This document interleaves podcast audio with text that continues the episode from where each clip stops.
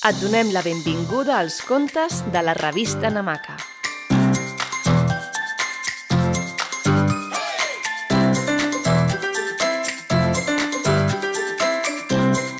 Avui t'explicarem el conte Ocellet.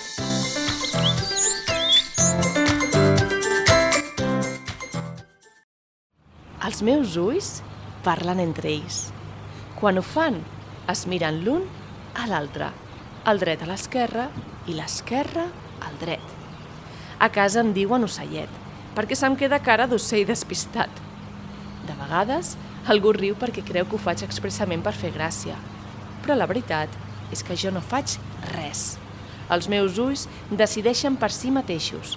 Aprofiten quan estic molt cansada perquè no poso resistència i ells s'encanten mirant-se a si mateixos i explicant-se vés a saber què.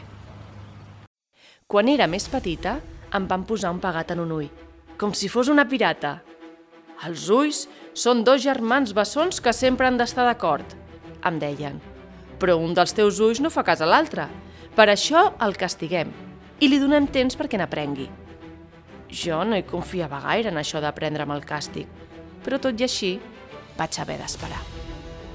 Mentre els meus ulls es decidien a fer les paus, jo m'imaginava que era pirata, la capitana Ocellet.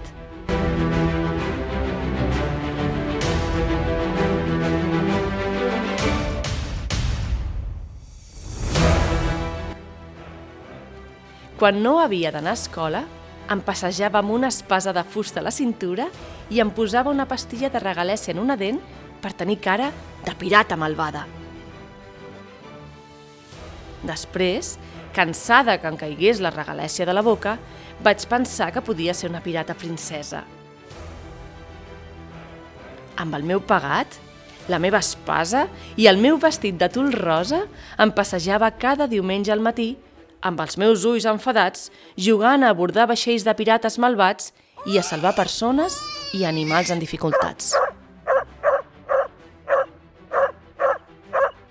Quan em van dir que els meus ulls havien arribat a un acord i em van treure el pagat, vaig haver d'acomiadar-me de la capitana Ocellet i ser una nena normal.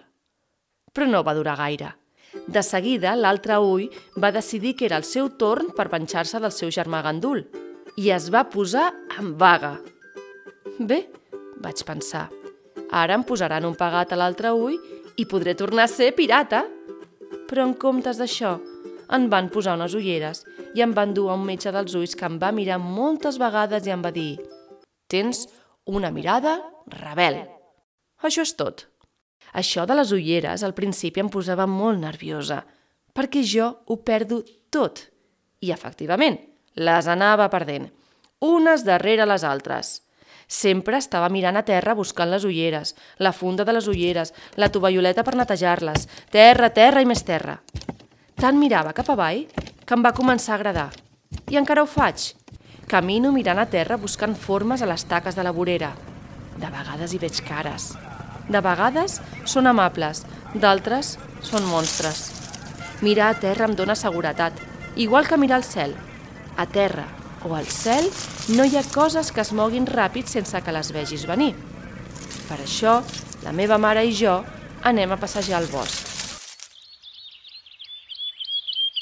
Allà, els meus ulls són lliures, rebels i lliures.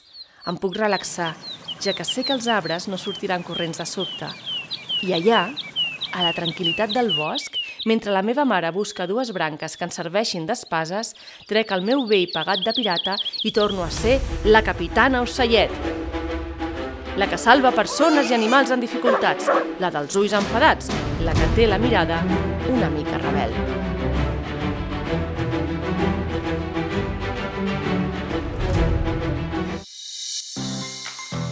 Un conte escrit per Dora Cantero i publicat a la Namaca número 28.